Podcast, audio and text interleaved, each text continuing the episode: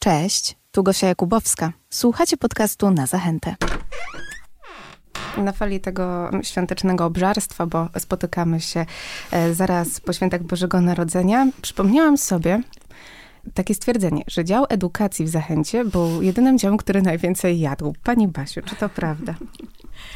No, owszem, jadło się, nie wiem czy najwięcej, ale się jadło i w pewnym momencie jedna z pań wicedyrektorek powiedziała, że nie możemy jeść, y, więc zapytaliśmy wszyscy, jak to ma być, czy w ogóle mamy nie jeść, czy jeść nad klawiaturą i sypać okruszkami, zalewać kawą komputer. Powiedziała, że mamy możemy jeść, ale nie wolno nam zasiadać.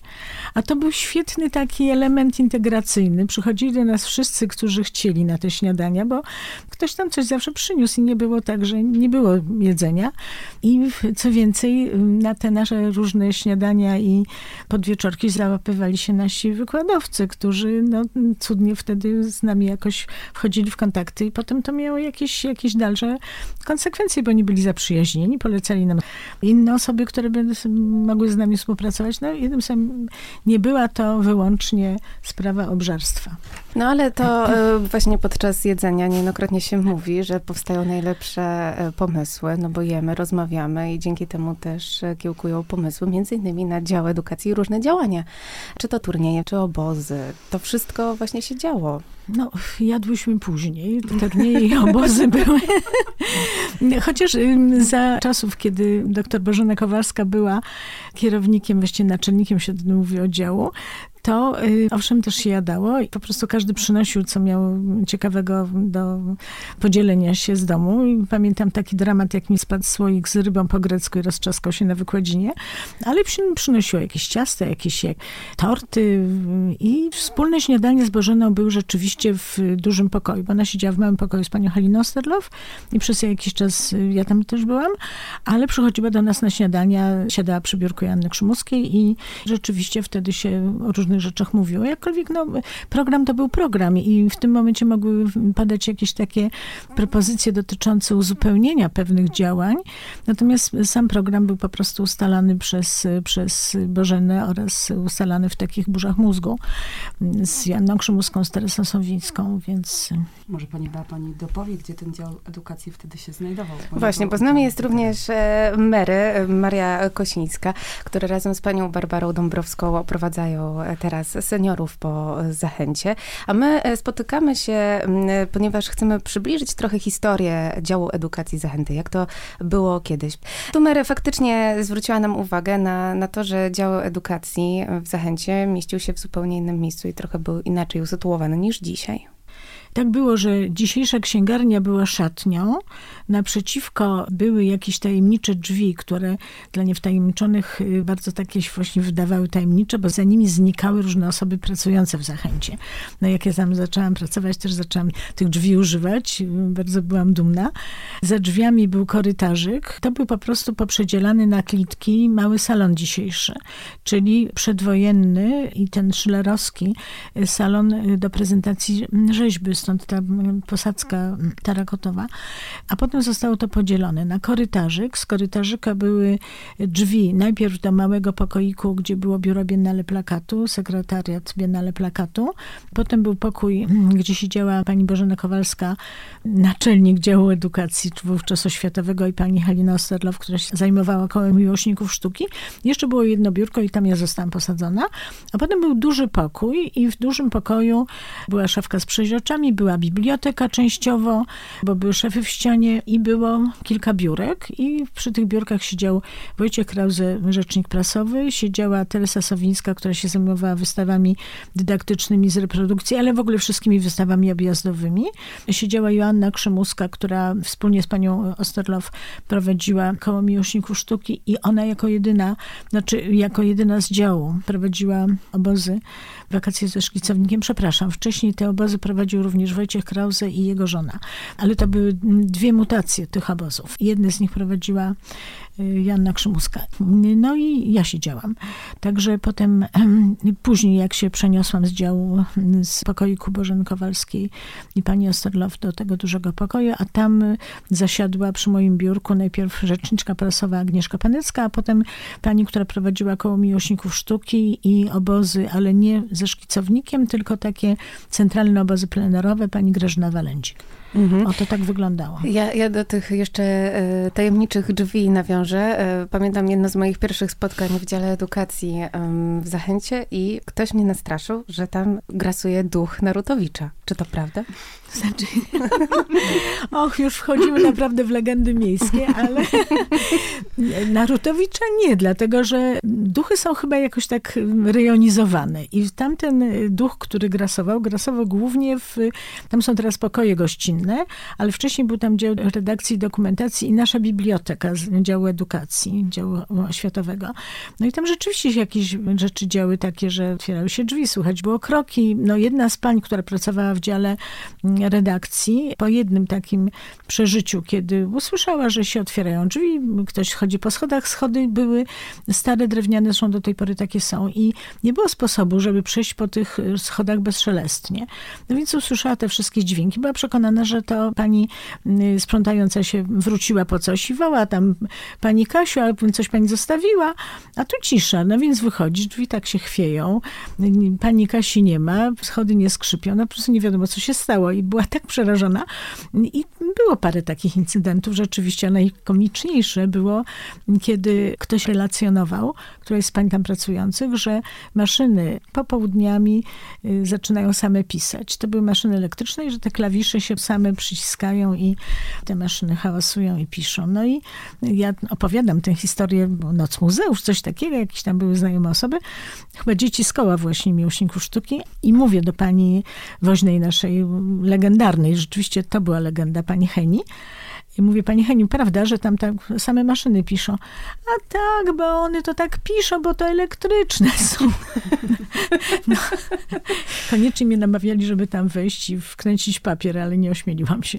I no rzeczywiście jakieś były takie zjawiska, ale one raczej dotyczyły tamtego miejsca. Tam był kiedyś bardzo, bardzo dawno temu, według relacji Bogusława Mansfelda, cmentarz choleryczny, czyli po prostu były tam pochówki. I rzeczywiście podczas remontu Zachęty jakieś stare fragmenty kości wykopano, ale dano je do ekspertyzy policji, ale chyba nie potwierdzono tego, że to jest stare znalezisko. Mhm. Ale rzeczywiście podczas remontu Zachęty na przykład znaleziono butelki w takich magazynach na którymś tam poziomie tych magazynów, butelki owinięte w gazety.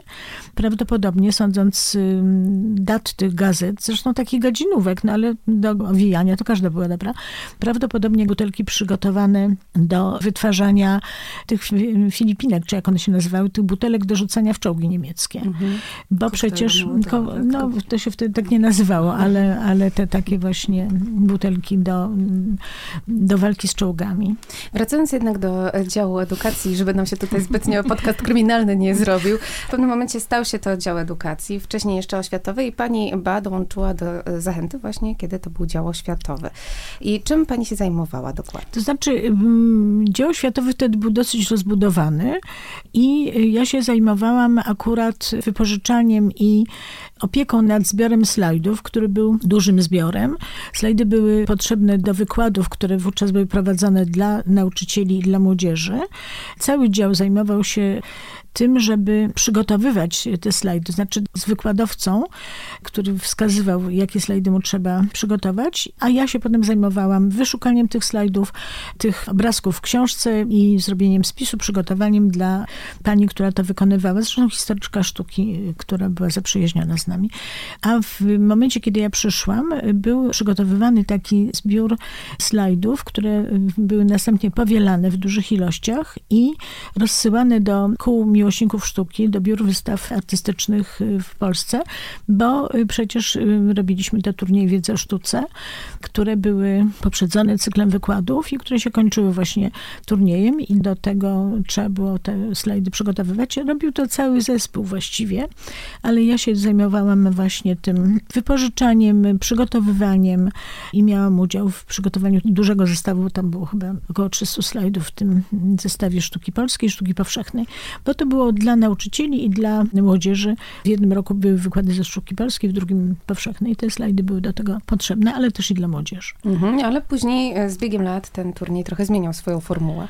Myślę, że ten turniej miał związek, nie mogę mówić o tym, jak to było dokładnie za czasów, kiedy ja tego koła nie prowadziłam, czyli w latach 80., ale później, ponieważ pojawiły się w, w Zachęcie znakomite wystawy zagraniczne, była to wystawa y, Cztery razy Paryż, była to wystawa Aktualności Brytyjskie i y, na tej fali, że tak powiem, zrobiliśmy cykl wykładów o sztuce francuskiej.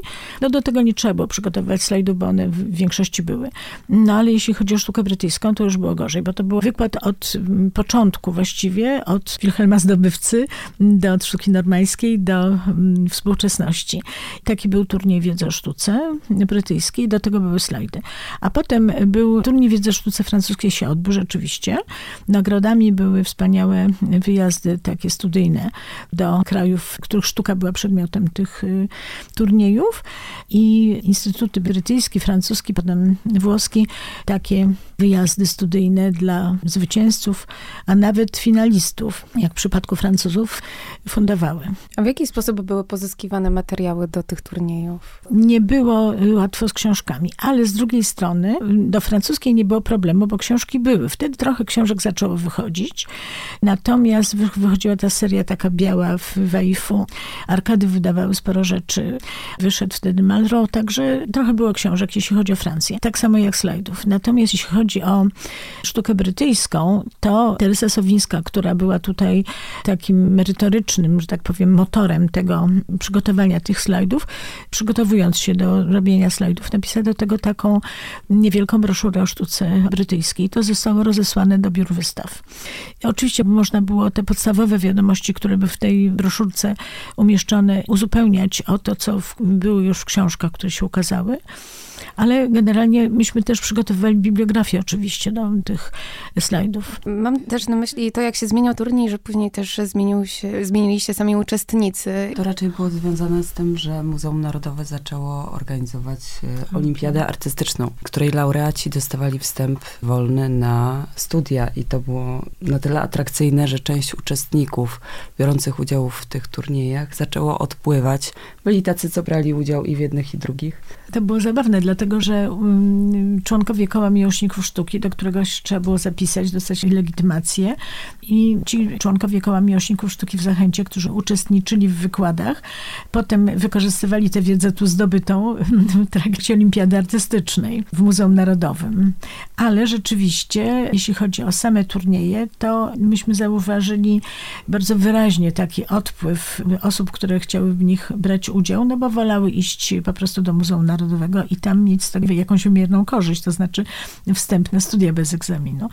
I dlatego chyba to była decyzja właśnie pani Bożeny Kowalskiej, chyba wespół z panią Osterlow podjęta, że należy otworzyć wstęp do mm, turnieju wiedzy o sztuce dla osób, które nie były uczniami szkół średnich, ale również studentami i mm, osobami dorosłymi, no niekoniecznie mm, związanymi ze sztuką. Znaczy chyba było jakieś ograniczenie, że studenci historii sztuki nie mogą w tym brać udziału.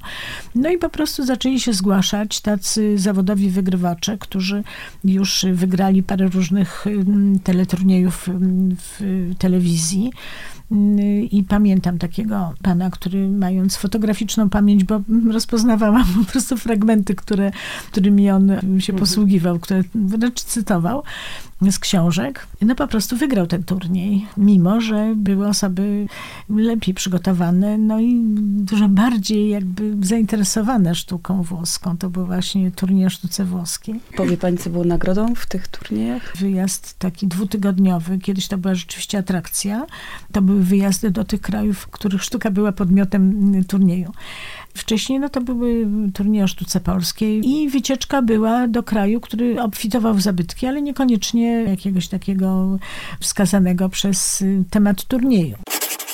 O zabytkach jeszcze na pewno powiemy, bo do tego nawiązuje koło miłośników sztuki i obozy, które były organizowane. Może trochę więcej o tym kole i o obozach, bo przygotowywanie materiałów do turniejów nie było jedynym pani zajęciem. Później pani miała szansę też pojechać na obóz. Początkowo obozy nazywały się wakacje ze szkicownikiem.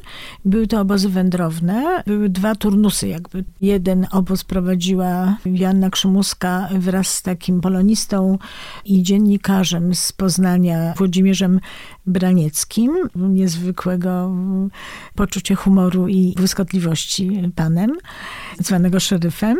Był to obóz po prostu na tej zasadzie działający, że jeździło się autobusami PKS-u, nocowali uczestnicy i opiekunowie w schroniskach młodzieżowych żywili się, no, gdzie tam się dało żywić. Zwiedzanie zabytków odbywało się jednocześnie ze szkicowaniem, stąd nazwa jeśli chodzi o merytoryczny program obozu, to był rzeczywiście program zabytkoznawczy i tutaj nie tylko opiekunowie, ale również sami uczestnicy przygotowywali się do tego oprowadzania po zabytkach. A jednocześnie, jak już sobie obejrzeli zabytek, siadali i rysowali, bo wszyscy uczestnicy na ogół byli jakoś tak zorientowani i jakoś plastycznie przygotowani, więc robili wystawę. Czy to była jakaś galeria BWA, czy to jakieś miejsce, które kończyło takie obozy miały, jak potem się doczytałam, miały dosyć dalekie trasy, dlatego że zaczynały się na przykład w Sandomierzu, a kończyły w Przemyślu. No ale to były też i, i przejazdy tymi PKS-ami, które jeszcze wówczas całkiem dobrze funkcjonowały. Potem były obozy, tak zwane centralne obozy plenerowe, finansowane przez ministerstwo w całości i dosyć potężne były te środki przyznawane i obozy znajdowały się w jakimś konkretnym miejscu, gdzie było biuro wystaw artystycznych, które współpracowało od strony organizacyjnej, ale też i merytorycznej. Tam nie było właściwie dużego programu zabytkoznawczego, zwiedzało się to, co było na miejscu, a nacisk był położony głównie na właśnie ten aspekt plenerowy, czyli malowanie, rysowanie. A dopiero potem, w latach 90., obozy przejęłam ja i po prostu po odejściu z pracy pani Grażyny Walędzie, która prowadziła te centralne obozy plenerowe, a ja wróciłam do formuły wakacji ze szkicownikiem i to były wakacje polegające na tym, że był to obóz zabytkoznawczy, umiejscowiony w jednym jakimś miejscu obfitującym w zabytki. Autokar wynajmowaliśmy na miejscu dla taniości, bo pieniędzy nie było w ogóle. Znaczy w ogóle, no, trzeba było naprawdę zyskiwać sponsorów, wtedy naprawdę nie było to łatwe. Nawet nawet prosić mhm. sponsora o apteczkę. Tak, no, wszystko trzeba było się dopraszać, e, żeby nie mówić żebrać. No i, e, i po prostu a jak długo trwały te, e, te obozy, jak na przykład były trasy właśnie z Sandomierza do Przemyśla? Też jak wyglądały dni na takich obozach? Nie umiem powiedzieć, jak wyglądały, znaczy mogę z grubsza powiedzieć mhm. tylko, jak wyglądały takie wyjazdy, które e, prowadziła Janna Krzymuska z Włodkiem Branieckim, ale to po prostu było tak, że się wyruszało wieczorem do jakiejś miejscowości, czy po południu, dojeżdżało się na miejsce, roztasowywało się w miejscu, w tym lokum, które tam było, po czym dzień czy dwa kolejne spędzało się w tej miejscowości, zwiedzając, rysując, a potem się znowu ruszało w trasę tym właśnie PKS-em. I tak wyglądał dzień. Zresztą tak samo jak u nas, bo mimo, że myśmy nie mieli tego problemu z wyjazdami PKS-ami, no to, to jednak się jeździło tym autokarem i program był taki sam, że po prostu się zwiedzało, rysowało, ale oczywiście były różne spotkania autorskie z artystami, którzy tam gdzieś po drodze mieszkali. Spotkania pamiętam takie z artystami nieprofesjonalnymi w Sandomierzu. Bardzo to było ciekawe spotkanie. A jacy to byli artyści? Ci nieprofesjonalni? Tak. To byli tacy artyści amatorzy, którzy no, głównie rysowali, bo nie mieli środków na to, żeby kupować płótno i farby. I robili takie szkice, akwarele, znaczy szkice jakieś takie ołówkowe, obrazki akwarelowe i najróżniejszych technik się łapali, byle nie, nie za drogich. Także mieli swoją taką siedzibę, świetlicę, nas tam przyjmowali, także tam ponaściągali różnych staroci ciekawych, jakieś takie tam były jakieś fragmenty uzbrojenia nawet, jakiś hełm z Pickelhaubo, no jednym słowem, jednym słowem tacy byli artyści, którzy bardzo chcieli. To było bardzo mm, interesujące spotkanie, bo oni ostro przepytywali, uważając, że to oni są artyści, a my to już niekoniecznie, no bo tak rysujemy sobie tylko jako dodatkowo.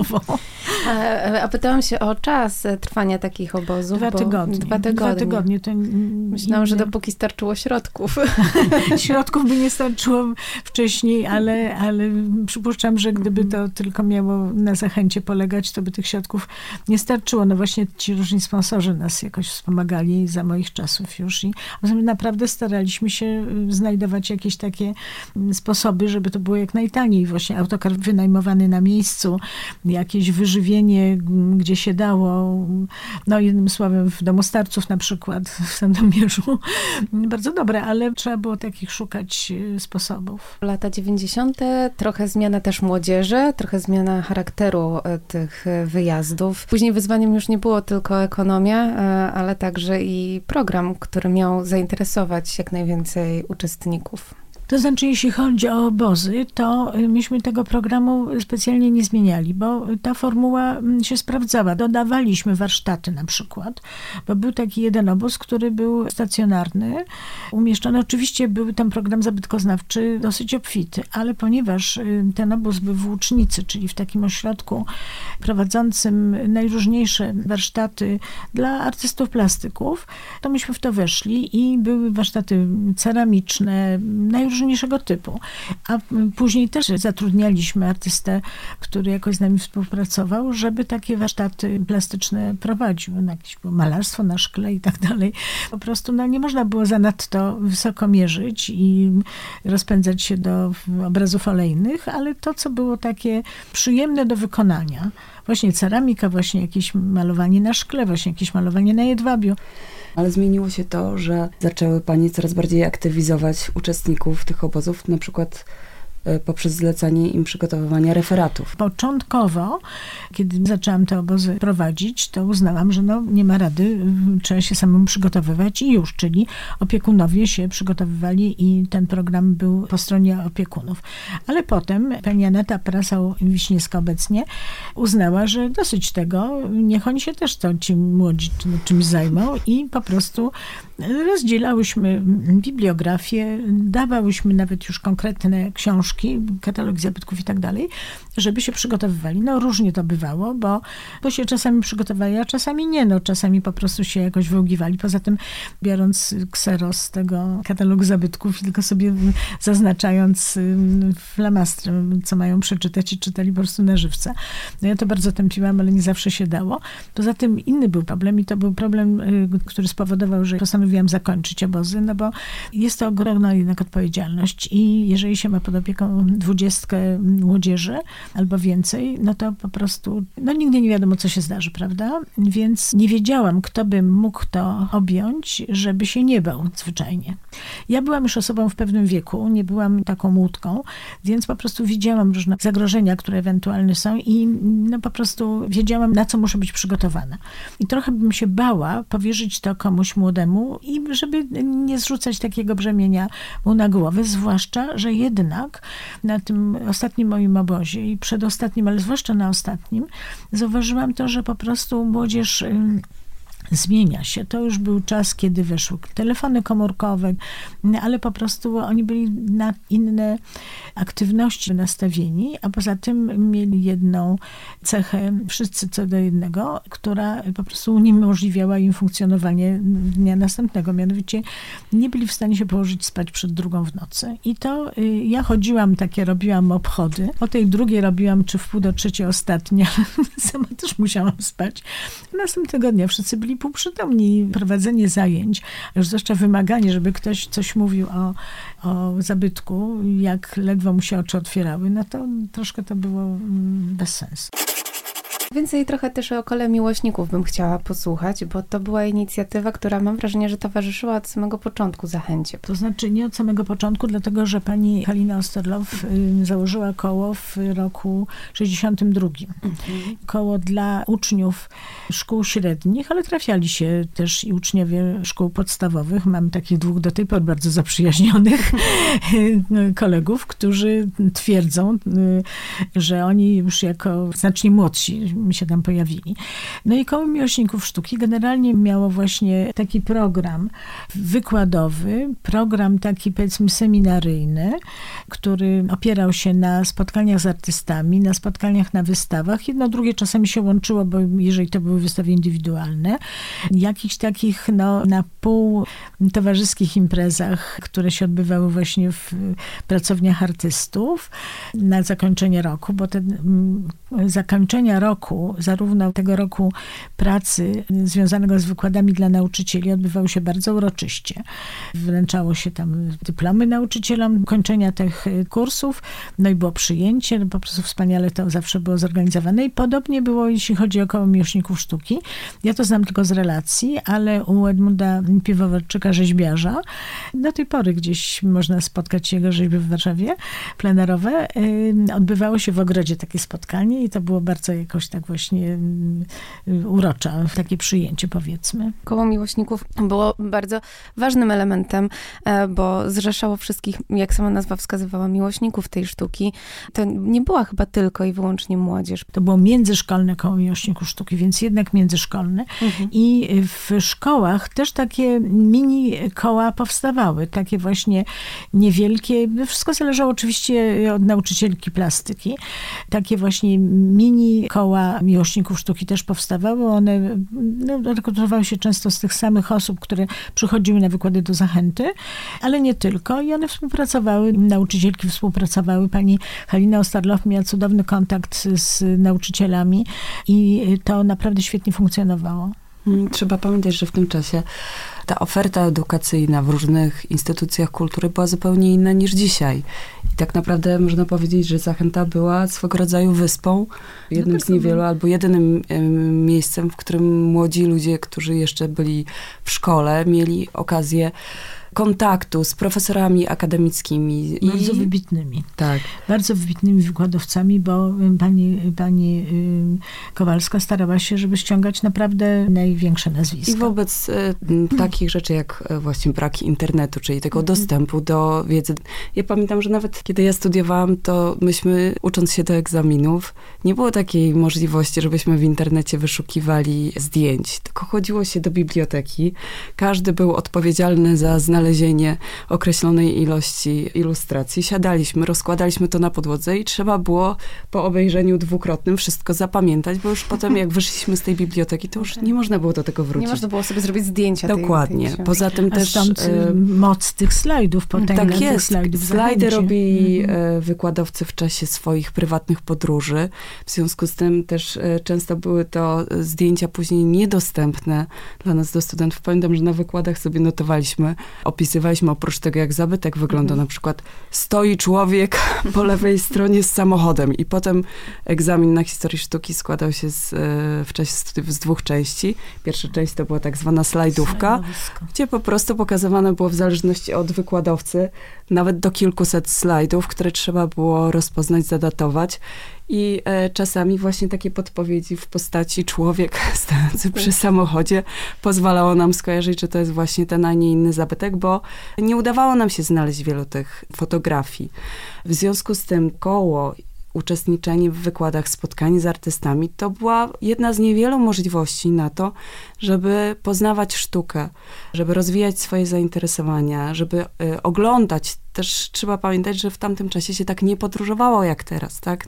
Nawet po Polsce, prawda? Każdy wyjazd to było jakieś wielkie wydarzenie A poza tym, tak jak wspomniałam, no nie było tej całej oferty, szerokiej oferty. Też wystawy, no rzadko się zdarzała taka wystawa, no naprawdę artysty wysokiej światowej rangi, tak? To było wtedy rzeczywiście ogromne wydarzenie. Zresztą świadczyło o tym kolejki, które się ustawiały przed zachętą, tak? No do tej wystawy Cztery razy Paryż. Wystawa Cztery razy Paryż chyba wymagałaby osobnego spotkania i nie krótkiego.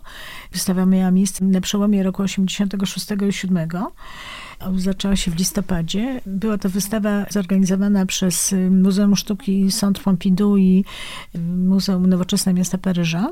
Zorganizował ją Ryszard Stanisławski wspólnie z Urszulą Czartoryską, ale Ryszard Stanisławski, który był dyrektorem Muzeum Sztuki w Łodzi. I on zrobił taką wystawę Présence Polonaise, która była prezentowana w Centre Pompidou, a ta wystawa była jakby wystawą, którą Francuzi nam dali w zamian za tamtą. To znaczy, to nie było równocześnie, ale w każdym razie wystawa ta obecności polskiej była wcześniej prezentowana, a potem właśnie była wystawa Cztery razy Paryż, która absolutnie to było takie cztery odsłony Paryża 1912, 1948, 1972 i nie pamiętam co jeszcze, może tam 50 lata. W każdym razie cztery takie odsłony sztuki francuskiej. Zaczynało się od y, bodajże Bonarda, Potem szło przez obrazy, nie wiem, Soni Delony, Picassa, potem była Mojżesz Kisling, był Sutino, po prostu ekspresjoniści, a potem sukcesywnie do współczesności. Była taka ilość y, naprawdę obrazów z najwyższego poziomu, że nikt nie sądził w roku 86, że kiedykolwiek to jeszcze zobaczy, bo wyjazdy były utrudnione, a do Polski taka wystawa nie miała szans przyjechać drugi raz. No i po prostu kolejki stały do ulicy Mazowieckiej. Jeszcze zawijały się za Muzeum Etnograficznym. Przy straszliwym mrozie, chcę dodać, bo rzeczywiście cały styczeń, kiedy ta wystawa była najbardziej frekwentowana, może nie cały styczeń, ale styczeń, były naprawdę straszliwe mrozy, które mimo wszystko y, jakoś tych ludzi nie odstraszali, którzy stali, przyjechawszy, nie wiem, z najdalszych stron Polski. Ale czy to właśnie pani Basia Majewska była odpowiedzialna za e, organizowanie tych wystaw i ściąganie tych wszystkich e, dzieł? Czy? Basia Majewska była krótko dyrektorem, mhm. bo w, przyszła w grudniu 89 roku i została odwołana w roku 93. Także w sumie to były 4 lata. Mhm. E, co prawda, no byli też dyrektorzy, tak jak Arma, Armand Wetulani, pierwszy dyrektor Zachęty, który ją właściwie powołał. Niemniej ona przez swoje kontakty, e, gdyż mieszkała właściwie pół życia we Francji i kontakty zagraniczne, była znakomitą znakomitym krytykiem sztuki. Ściągała kolekcje, które po prostu ci kolekcjonerzy byli w stanie nam oferować za darmo. To myśmy za to nie płacili. I taka była kolekcja Lenca na przykład, ze wspaniałymi obrazami, nie tylko, nie tylko niemieckimi, ale i francuskimi.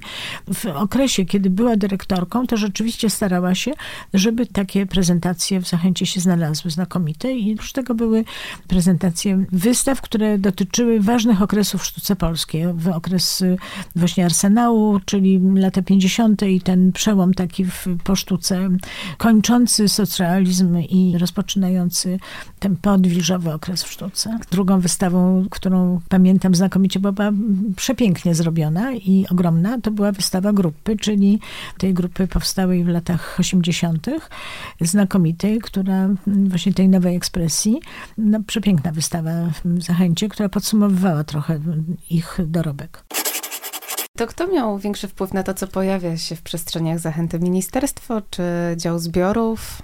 Zależy w którym okresie. To znaczy tak, zależy w którym okresie. Zależy w którym okresie. Mhm. Myślę, że te wystawy, które były robione za Gizeli Szancerowej w latach e, jej dyrektoriatu od 54 roku do 65 były właśnie dzięki jej kontaktom, dzięki jej wykształceniu i często prywatnym znajomościom. Ona była zaprzyjaźniona na przykład bardzo z członkami Grupy Krakowskiej, z Jadwigą Maziarską, ale z wieloma członkami Grupy Krakowskiej, ale też z bardzo wieloma artystami, zarówno w Polsce, jak i za granicą. Ona potem pojechała do Niemiec i tam jeszcze pracowała zawodowa. W każdym razie to były kontakty dyrektorskie, bo czegoś takiego jak kurator w dzisiejszym rozumieniu tego słowa, wtedy się mówi o komisarz wystawy, po prostu nie było. No, wystawa była, była jakoś tam organizowana, ale dyrektor prosił kogoś do współpracy, ale nie było takiej przemożnej roli kuratora, jaka jest dzisiaj, że kurator po prostu decyduje o całym kształcie wystawy. Ta wystawa była robiona jakoś tak wspólnie z dyrekcją. Oczywiście, że były wystawy tak zwanego planu centralnego, co było naprawdę trudne do zniesienia, bo to były wystawy takie z wymiany kulturalnej, a to sztuka Jordanii, a to jakaś współczesna sztuka Indii. No, z całym szacunkiem, ale nie były to dobre wystawy. A był to taki centralny plan wystaw, który przyszedł do Zachęty razem z dyrektorem Taśnikiem oraz jego współpracowniczką, panią Aleksandrą Prokop i ona właśnie prowadziła ten centralny plan wystaw. Później się trochę to rozluźniło, trochę spod ministerstwa się jakoś ten plan uwolnił, ale przez jakiś czas to rzeczywiście ministerstwo narzucało zarówno wystawy, jak i zakupy właśnie w ramach tego centralnego planu wystaw. No ale też była pani Bożena Kowalska, kierowniczka działu oświaty wtedy, mhm. która decydowała poniekąd o tym, co znajduje się w zbiorach, e, bo e, ściągała różnego rodzaju grafiki, te później podróżowały dalej do różnych zakładów pracy. To była działalność stricte oświatowa. Pani Bożena Kowalska kupowała grafiki, kupowała y, obrazy po to, żeby one stanowiły takie trzy zespoły, jeśli chodzi o obrazy, a o grafikę to było trochę inaczej. W każdym razie trzy takie zespoły obrazów ilustrujące y, nurt metaforyczny, jak to się wówczas mówiło w sztuce polskiej, nurt geometryczny, geometryczny czyli abstrakcji geometrycznej i nurt tak zwany publicystyczny, czyli to była no, głównie nowa figuracja. I takie zespoły obrazów, do których były katalogi, do których wstępy mówiące o każdym z tych pokazywanych tam artystów pisali członkowie działu edukacji. To już po prostu tak było i pani Bożena Kowalska tak ustanowiła i tak było.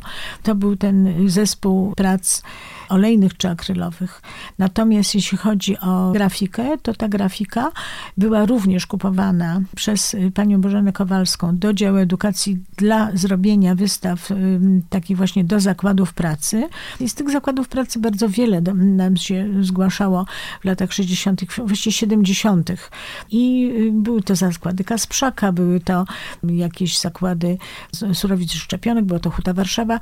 Wiele tych zakładów było, ale to nie były tylko zakłady zakłady przemysłowe. Był na przykład Instytut Fizyki Panu, także tam też się odbywały te wystawy. Wystawa jechała, tam była montowana przez naszych pracowników i mm, później, w zależności od tego, czy sobie życzyli tego mm, odbiorcy, było spotkanie z artystą. To wszystko wpisuje się w e, statutową działalność Zachęty. Zachęta nie ma być tylko galerią, w której się pokazuje sztukę współczesną, ale celem zachęty jest upowszechnianie sztuki współczesnej. I te wszystkie działania, które prowadził dział oświatowy, a później dział edukacji, właśnie wypełniały tę e, statutową misję zachęty. W sytuacji, kiedy wiadomo było, że robotnicy z zakładów pracy oddalonych e, od Warszawy raczej nie przyjadą na wystawę sztuki współczesnej do zachęty, to ta wystawa przyjeżdżała do nich. Tak? I w ten sposób próbowano nawiązywać jakiś porozumienie, czy upowszechniać tę sztukę, oswajać z nią, opowiadać, gdzieś pobudzać wyobraźnię, rozszerzać horyzonty, no, ale czy odbiór dialog. Tak, tak, ale czy odbiór faktycznie był taki, jakiego by się spodziewał dział oświaty, a później dział edukacji?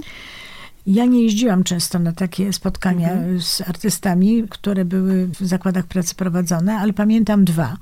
Jedno to było spotkanie z, w Instytucie Fizyki, no, gdzie można było się jakby z definicji, bo to był Panowski Instytut, spodziewać, że, że będą osoby, które na, na to spotkanie przyjdą, że te osoby będą zainteresowane, będą ciekawe pytania i, i to się ciekawie potoczy. Ale wielką satysfakcję dało mi takie spotkanie, które było w hotelu robotniczym Huty Warszawa, gdzie naprawdę, i to też było przy wystawie grafiki, gdzie po prostu była fantastyczna dyskusja i osoby, które w niej brały udział, robotnicy, którzy tam na to przyszli, nie dość, że ich przyszło naprawdę sporo, przyszło kilkadziesiąt osób, takie wynikliwe pytania zadawali, oparte o wiedzę. To nie było tak, że oni nie byli zupełnie przygotowani. Oni naprawdę mnóstwo wiedzieli. Także to było niesłychanie satysfakcjonujące. Przypuszczam, że w innych zakładach pracy mogło mogło się dziać podobnie, dlatego że jednak osoby, które chciały tam przychodzić, a które już miały za sobą parę takich spotkań, mogły się troszkę jednak otrzaskać z tą sztuką współczesną i im głębiej w, wchodziły w temat, że tak się wyrażę, to tym bardziej jakoś były pierwsze spotkania skłaniały do tego, żeby coś poczytać i przygotować się do kolejnych. Żeby cokolwiek wiedzieć i mm -hmm. mieć świadomość. Czy przyjść do tak, zachęty tak, na nogach, prawda, jeżeli tak. to były warszawskie zakłady pracy. Ale to, co ty, Mary, powiedziałaś, to to jest dosyć ciekawe, bo y, w sumie chyba dzisiaj już tego nie ma, że jest wystawa, która jedzie, co prawda, ale do jednej galerii sztuki. Y, zakładów pracy też jako takich już nie ma polskich, więc też chyba y, nie ma takiej potrzeby, czy właśnie jest potrzeba, ale nie ma komu tego robić. Parę lat temu była taka piękna inicjatywa Zosi Dubowskiej, też wieloletniej kierowniczki działu edukacji, która się nazywała Zachęta na kółkach. To był taki projekt organizowany właśnie przez Zosię i dział edukacji, e, w którym odwiedzano małe miejscowości, to były chyba nawet wsie, tak? tak do których jeździły dziewczyny z działu edukacji oraz edukatorki prowadzące warsztaty i robiły w tych małych miejscowościach taką zachętę na wyjeździe, e, zajęcia w szkołach, które były też wzbogacone o takie elementy warsztatowe. Coś, co dla takich dzieciaków, które mieszkają w mieście, myślę, że dzisiaj już nie jest aż taką nowością, dlatego że jeśli są nauczyciele, którzy są otwarci na wyjścia do instytucji mhm. kultury, to ta oferta, przynajmniej w Warszawie, jest dosyć bogata i warsztaty przy okazji różnych wystaw albo kolekcji odbywają się w bardzo wielu instytucjach, to tak, takie dzieciaki, które mieszkają w mniejszych miejscowościach czy na wsiach, to zazwyczaj, jeżeli jadą na wycieczkę do, do miasta, to podejrzewam, że nie biorą udziału w, w warsztatach w galerii sztuki. Mają za mało czasu. Bo mają na to za mało czasu, tak, raczej oglądają, zwiedzają. Więc to była taka wspaniała inicjatywa która przynosiła właśnie to, co tutaj w Zachęcie się dzieje na miejscu, tym dzieciom z tych wsi i tam się odbywały te warsztaty. Nie wiem, czy to było jeden raz tam jeździły dziewczyny, czy kilka razy do tego samego miejsca? Nie, do tego samego miejsca y, tylko raz, ale każdy taki wyjazd zaczynał się od tego, że, znaczy to było wcześniej omawiane z nauczycielkami, trzeba było wygospodarować odpowiedni czas i tak dalej, ale każdy taki wyjazd zaczynał się od informacji o tym, co to jest zachęta. O prezentacji zachęty, wystaw w zachęcie, konkretnej wystawy i do niej były warsztaty. I to była część równoważna, bo te warsztaty trwały długo, bo to nie, nie trzeba było się niczym ograniczać. To był jakiś taki dzień, który był, no rano były zajęcia szkolne, a dopiero e, potem były to spotkanie z zachętą i ono było długo długotrwające, więc można było naprawdę świetne te warsztaty robić i dziewczyny takie warsztaty robiły. Czasem to się kończyło jakąś zabawą. Pamiętam, że w takich jednych uczestniczyłam gdzieś na Mazurach i tam na przykład na końcu zawiesiliśmy mm, piniatę i dzieciaki po prostu się bawiły w, w rozbrajanie tej piniaty, bo jakaś była taka zahaczenie o jakąś sztukę mm, amerykańską, południowej Ameryki. Także to mhm. były świetne rzeczywiście zajęcia. W jednym z wywiadów e, z panią e, Basią dowiedziałam się, że tak na dobrą sprawę w latach 90. był ten moment, kiedy w dziale edukacji zostały dwie, trzy osoby. Nagle się on tak skurczył. Co było powodem? No, skurczył się dlatego, że po tych naprawdę trudnych latach 80., mhm. kiedy do zachęty było przyjmowanych sporo do dzieła edukacji osób, ale one traktowały, te młode dziewczyny, tak jeszcze studiujące albo tuż po studiach, traktowały zachętę jako taką swoją pierwszą pracę i odskocznie gdzieś dalej. Bardzo często odchodziły do innych prac. Kierownikiem działu była wtedy pani Elżbieta Błasińska, starsza od nas o kilkanaście lat pani, która, która po prostu prostu czasami nie potrafiła odmówić dyrektorowi, który postanawiał do działu edukacji w charakterze kary przenieść kogoś, kto gdzieś tam coś zawalił. Trafiały do zachęty osoby, które były no, ewidentnie przysłane z ministerstwa, bo ktoś w ministerstwie postanowił, że pan, który był jego znajomym, a przyszedł prosić o jakąś posadę, żeby on trafił do zachęty i trafiał. I w momencie, kiedy Barbara Majewska objęła dyrekcję, to y, część z tych osób odeszła sama. Te młode dziewczyny po prostu już sukcesywnie odchodziły do jakichś innych prac. Trudne to było. Myśmy traktowane były nasz dział jak pariasi, no bo słusznie nas y, zresztą podejrzewano o to, że jako członkinie Solidarności knujemy jakieś podziemne historie. no i tak faktycznie było, no faktycznie było.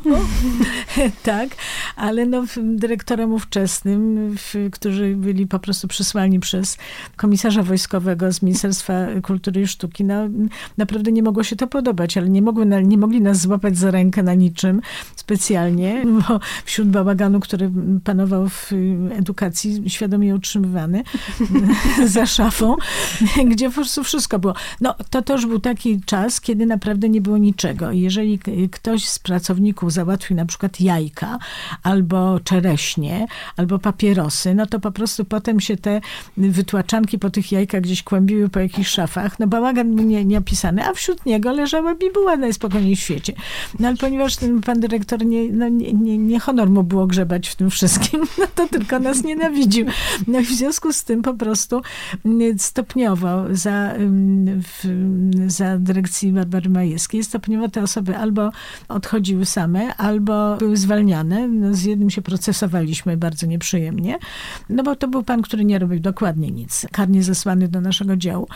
I wyłącznie spędzał czas na rozmowach z drugim panem, który był rzecznikiem prasowym i który no, został zwolniony. Ten się nie procesował, ale w pewnym momencie okazało się, że ja pracuję sama z mm, praktykantką z Danii no bardzo ona była fajna, ale, ale no, nie mówiła po polsku, więc mówiła po angielsku. Potem jeszcze ona odeszła, bo skończyła się praktyka. Przyszła druga pani, ale ona miała wyższe ambicje, więc praca w dziale edukacji jej nie interesowała. I zresztą niedługo potem odeszła. Ściągnęłam późniejszą dyrektorkę mm, Zachęty, ale ona nie lubiła pracy oświatowej i Basia uznała, że też, że rzeczywiście jej, mm, jej powołaniem jest być e, kuratorką i poszła do działu kuratorów, który zresztą Basia Majewska stworzyła.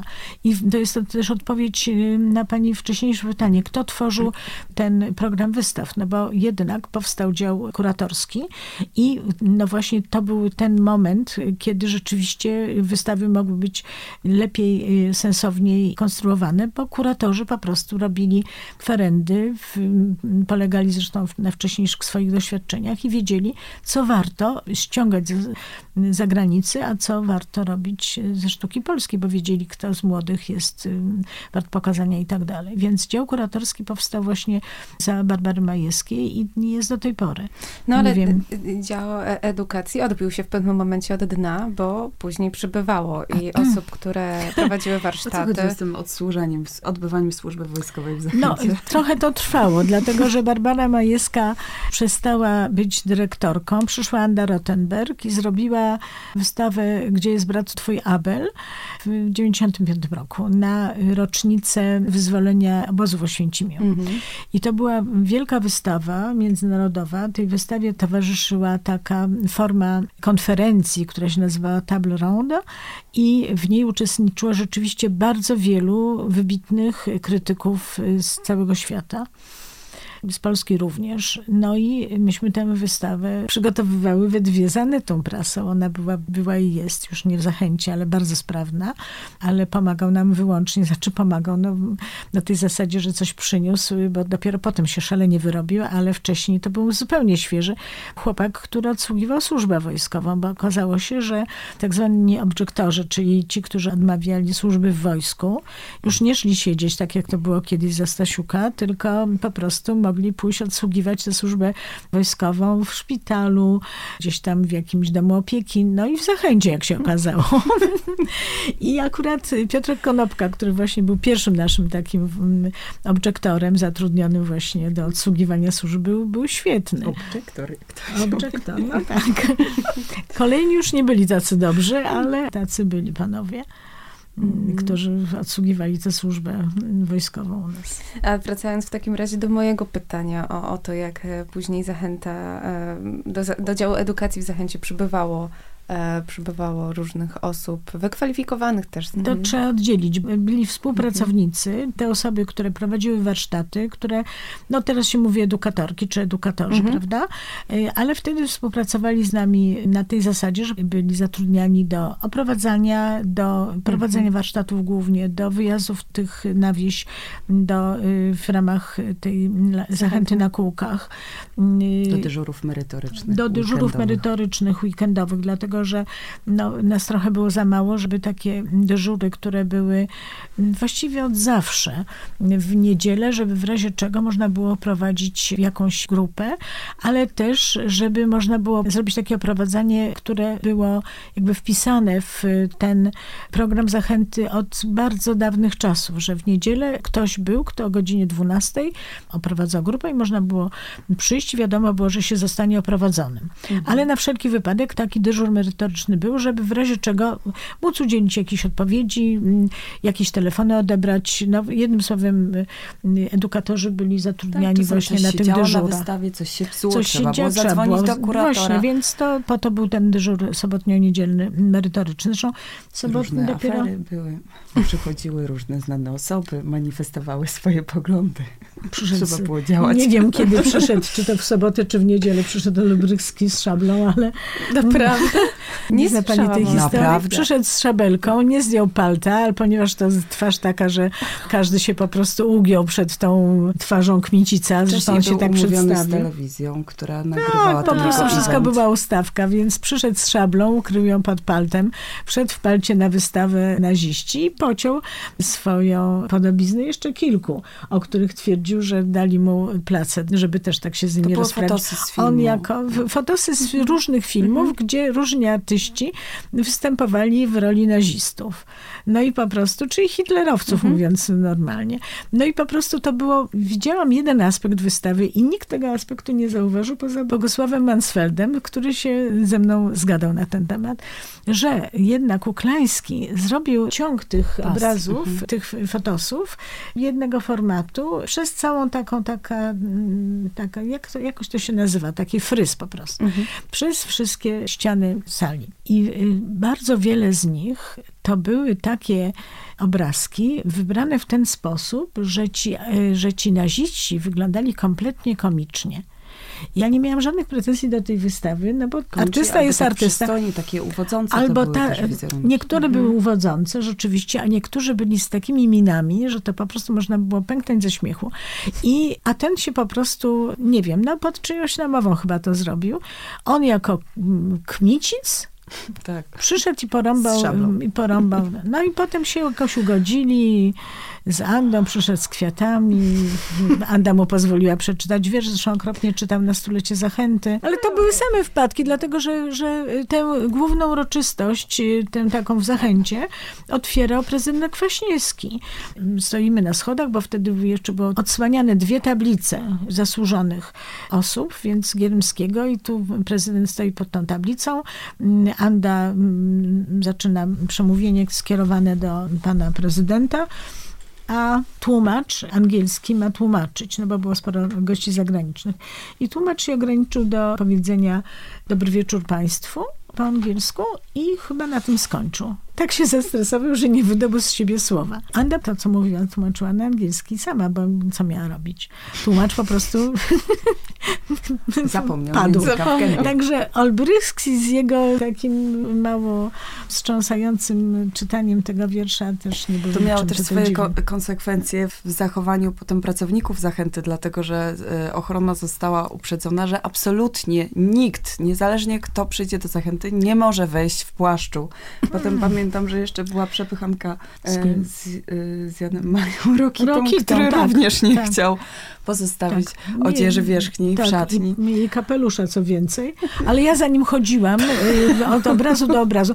No, żartów nie ma, bo on wszedł w palcie, wszedł w tym kapeluszu, co już mniejsza, ale w palcie i po prostu już chodził między obrazami. To była wystawa klasycy XX wieku, gdzie były no naprawdę największe y, obrazy. Na, naprawdę same hity. No niechby się tak jakoś obrócił, a machnął tym. Więc ja po prostu chodziłam za nim i mówiłam do mijanego każdego ochroniarza, proszę na tego pana uważać, bo on nie miał prawa tu wyjść w palcie. Także Potem jeszcze prostu... był atak na Catellana.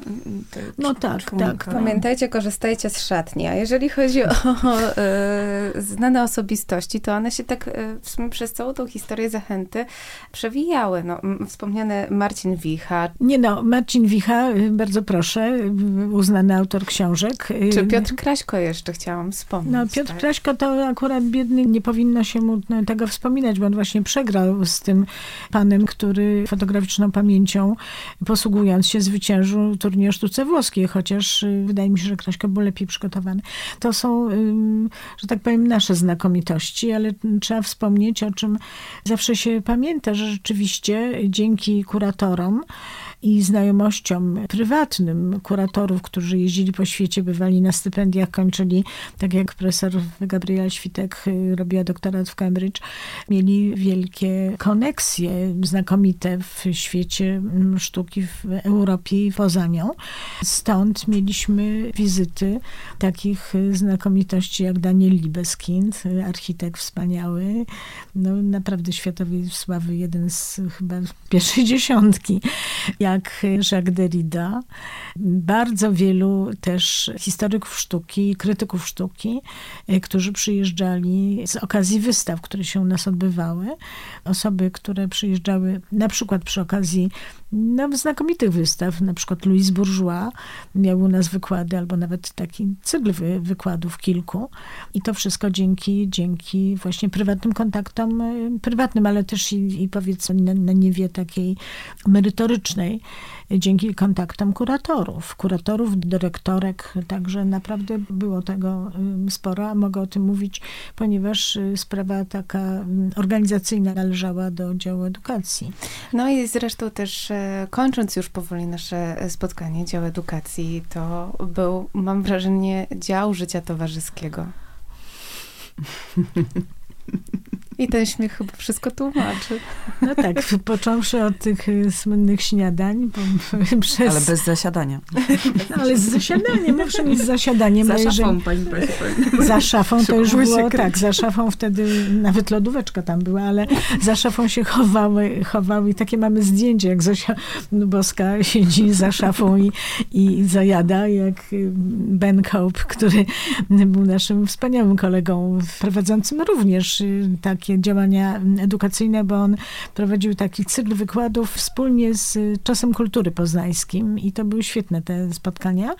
Później zresztą przy różnych wystawach, bo on skończył slawistykę najpierw w Anglii, potem na Sorbonie. Był przez czas jakiś wykładowcą Wolnego Uniwersytetu w Mińsku, który potem Łukaszenko rozpędził na cztery wiatry, więc on się tymi wystawami zajmował. Współpracował chyba z Magdą Kardasz przy wystawach właśnie tych z tamtego obszaru. Natomiast jeśli chodzi o towarzyskie życie, to jak najbardziej. Oczywiście z się zaprzyjaźniali dzięki talentom towarzyskim moich koleżanek i współpracownic oraz lodówce. Nie, nie, no lodówka była jakby ostatnim tutaj elementem, ale rzeczywiście jakoś łatwo nam było nawiązywać kontakty z tymi osobami, które do nas przychodziły jako wykładowcy. To potem jakoś kontakty utrzymywane były dalsze i do dziś dnia są przecież. Myślę, że to trzeba tu powiedzieć, że to, y, że ta praca, którą działo oświatowe, a potem działa edukacji, Zachęcie wykonywał, to był naprawdę kawał świetnej roboty i w naprawdę bardzo pionierskich projektów, pomysłów, o których myślę, że e, też może warto, żebyśmy tu dwa słowa powiedziały, co się działo w, e, w dziale edukacji, jakiego to były rodzaju spotkania, bo były też e, wykłady dla nauczycieli, które jeszcze się zaczęły za czasów... No, pani Bożena Kowalska to w ogóle powołała do życia. Jak mhm. również Koło Miłośników Sztuki, które prowadziła e, pani e, Osterlof. Najróżniejsze turnieje oczywiście też wiedzy mhm. o sztuce, ale najróżniejsze konkursy. Do tego były takie często dołączane przy okazji różnych wystaw, jakoś korespondujące z tymi wystawami, na przykład wieczory poezji, na przykład koncerty.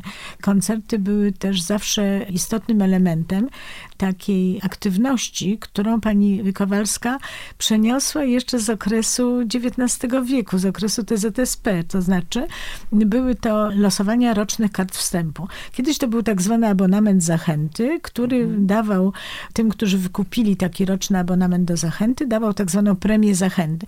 I to się spotyka w literaturze. Na ścianie wisiała premia zachęty, czyli reprodukcja obrazu, który był w zachęcie pokazywany. U Gajawiczyńskiej, gdzieś tam jeszcze. A potem pani Bożena przeniosła, że tak powiem, tę aktywność na czasy powojenne. I to jako jedyna, która była kontynuacją tej przedwojennej działalności. Więc y, dwa razy do roku odbywały się takie losowania tych rocznych kart wstępu. Dwie nagrody w postaci obrazów i grafiki były, a do tego był zawsze koncert, czy jakieś takie właśnie występy pamiętam taki występ kabaretu na jakiejś mm, imprezie związanej z kołem miłośników sztuki. Oni byli tacy, no, źle widziani przez cenzurę i pani Bożena się bała, że tutaj będą nieprzyjemności z tego powodu, ale nie było. E, salon Niezależnych. Salon Niezależnych występował. Także najróżniejsze właśnie takie dodatkowe były sprawy, jak właśnie koncerty, jak właśnie kabarety, jak właśnie te wieczory poezji. Często to się odbywało z inicjatywy tak zwanej Młodej Zachęty, bo w Kole Miłośników Sztuki wyodrębniła się taka grupka bardzo aktywnych osób, które postanowiły założyć taki własny klubik w, w ramach i rzeczywiście działali bardzo, bardzo prężnie. Do tej pory się spotykają, z tego co, co wiem. Także rzeczywiście y, bardzo wiele było takich nowatorskich zupełnie programów. Y, jedni z pierwszych weszliśmy poza Zamkiem Ujazdowskim, weszliśmy w ten program warsztatów. Bardzo one zostały rozwinięte. Poza tym braliśmy udział... Też warsztaty rodzinne. Tak? Warsztaty rodzinne, warsztaty dla osób, które z jakimiś dysfunkcjami, źle widzących, albo głuchoniemych, Paulina albo... Celińska wspaniale prowadziła. Wspaniale, wspaniale prowadziła i właśnie dział dostępności y, został utworzony i fantastycznie działał. Albo na przykład y, cały program dla dzieci y, z spektrum autyzmu. Znakomicie prowadzony. W ogóle jeśli chodzi o szkolenia działania... dla edukatorów właśnie z osobami z różnymi dysfunkcjami właśnie, z osobami ze spektrum autyzmu, ale też kurs języka migowego i cały szereg takich działań właśnie włączających różne mhm. grupy i dostępnościowych. Też to, co później Ania Zdzieborska robiła, cały ten program dla nauczycieli, dla nauczycieli. współpraca z wciesem, mhm. współpraca z wykłady, wyszukiwanie warsztaty. naprawdę świetnych prowadzących y, te zajęcia z nauczycielami, z paniami, które same były historyczkami sztuki, ale nauczycielkami, bo uznały, że to jest ich powołanie.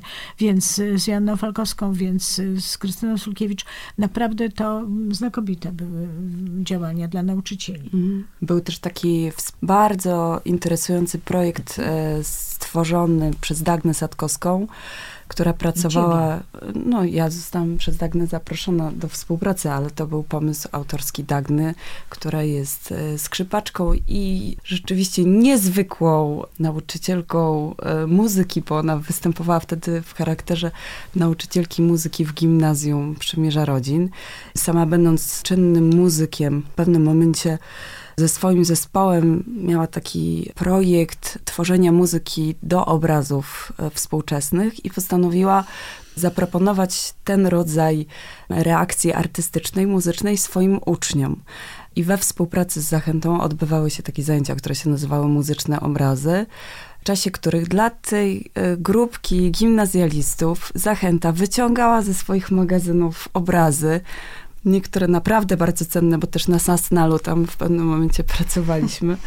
Ja byłam odpowiedzialna za tę część historyczną, żeby trochę właśnie też przy okazji powiedzieć o mm, danym zagadnieniu od strony właśnie takiej teoretycznej. A potem Dagna prowadziła z nimi zajęcia muzyczne i to było coś niezwykle interesującego. Później ta oferta została rozszerzona dla grup przychodzących. To było coś zupełnie nowego i takiego właśnie otwierającego, no taka synteza sztuk, tak? Z jednej strony mm-hmm. właśnie tutaj sztuka współczesna, która mm-hmm. często y, mm-hmm. jest taki schemat, że sztuka współczesna to sztuka hermetyczna. Mhm. Kiedyś jedna z pań z uczestniczych naszych zajęć dla seniorów zapytała się e, przy zajęciach o, o kozyrze. A przepraszam bardzo, czy kozyra umie namalować konia?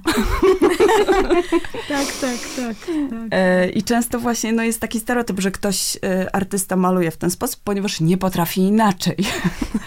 E, a tutaj właśnie no, te zajęcia pozwalały na to, że po pierwsze na poznawanie tej twórczości, ale też na twórcze działanie w taki trochę inny sposób niż warsztaty plastyczne. To był fantastyczny projekt. Fantastyczne jest nadal to, że możemy się zobaczyć z panią Barbarą Dąbrowską i z Marią Kosińską w ramach spotkań z seniorami. Czy na te spotkania też mogą przychodzić młodsi, żeby posłuchać historii, żeby brać udział w warsztatach? Wypędzamy ich. Tak myślałam. Pani, ja się surowo pytam, przepraszam bardzo. I nie, no tak. w, w, oczywiście, że mogą, nie ma rady. No jak przyjdą, no to, to raz się tylko spytałam, przepraszam bardzo, czy pani na te zajęcia na pewno?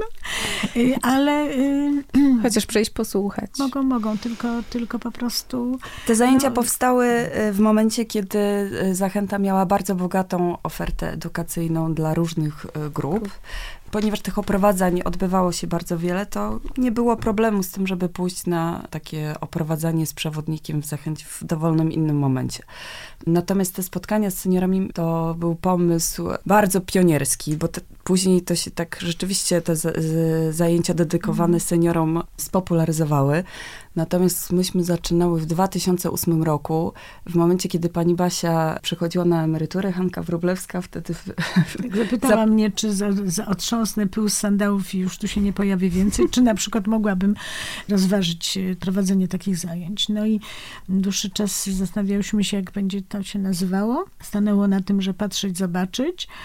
I rzeczywiście y, od początku mamy bardzo dużą tę grupę, prawda? Niektóre panie chodzą... Około 30 osób i to są takie osoby, tak. które już, niektóre to rzeczywiście powyżej 10 lat tak. do nas przychodzą część się wykruszyła y, właśnie z powodu tego, że no jak jakoś nie, nie były w stanie przeniknąć przez sztukę Pawlaka albo Kozyry. Natomiast y, są to y, osoby, panie na ogół, seniority, jak mówimy, no bo seniorzy są nie seniority. To Zosia Boska wymyśliła, że po prostu mają niesłychanie utwarty umysł i spotkania takie, które wydawałoby się, że no nie będą proste z Katarzyną Kozyrą na przykład, znakomitej atmosferze przebiegały i świetnie to wszystko układało, bo panie naprawdę teraz w MPZ mhm. to spotkanie z Martą Zgierską. Martą, mhm. z Martą Zgierską też nie, nie wydawałoby się, że to jest taka, taka sztuka dosyć um, łatwa fotografia. Tak. Fotografia. Po prostu myślałyśmy, że to się w ogóle nie skończy, bo takie, taka była ilość zadawanych pytań i taka była temperatura tej, tego spotkania wysoka. Naprawdę są, jest to jedna z dwóch grup, którym się chce przychodzić obok dzieci. To są właśnie seniorzy i, i jest to grupa, która naprawdę Przecież jest otwarta. Się że dużo też młodzieży przychodzi. Do zachęty tak, ale nie na spotkanie, tak mi się wydaje, bo, bo tych spotkań przy, mm wystawach, przy wystawach mm to one nie są frekwentowane przez mm młodzież zanadto. Nie, ale tutaj rzeczywiście jest to satysfakcja taka, że panie są chętne i chłonne bardzo. To takiej obfitości, od której zaczęliśmy, w obfitość też uczestnictwa e, życzę. No i mam nadzieję, że to jest jedno z naszych e, pierwszych spotkań i że będziemy miały szansę jeszcze niejednokrotnie porozmawiać. Bardzo dziękuję pani Barbara Dąbrowska. Dziękuję. Dziękuję bardzo. Maria Kosińska. Dziękuję. dziękuję również.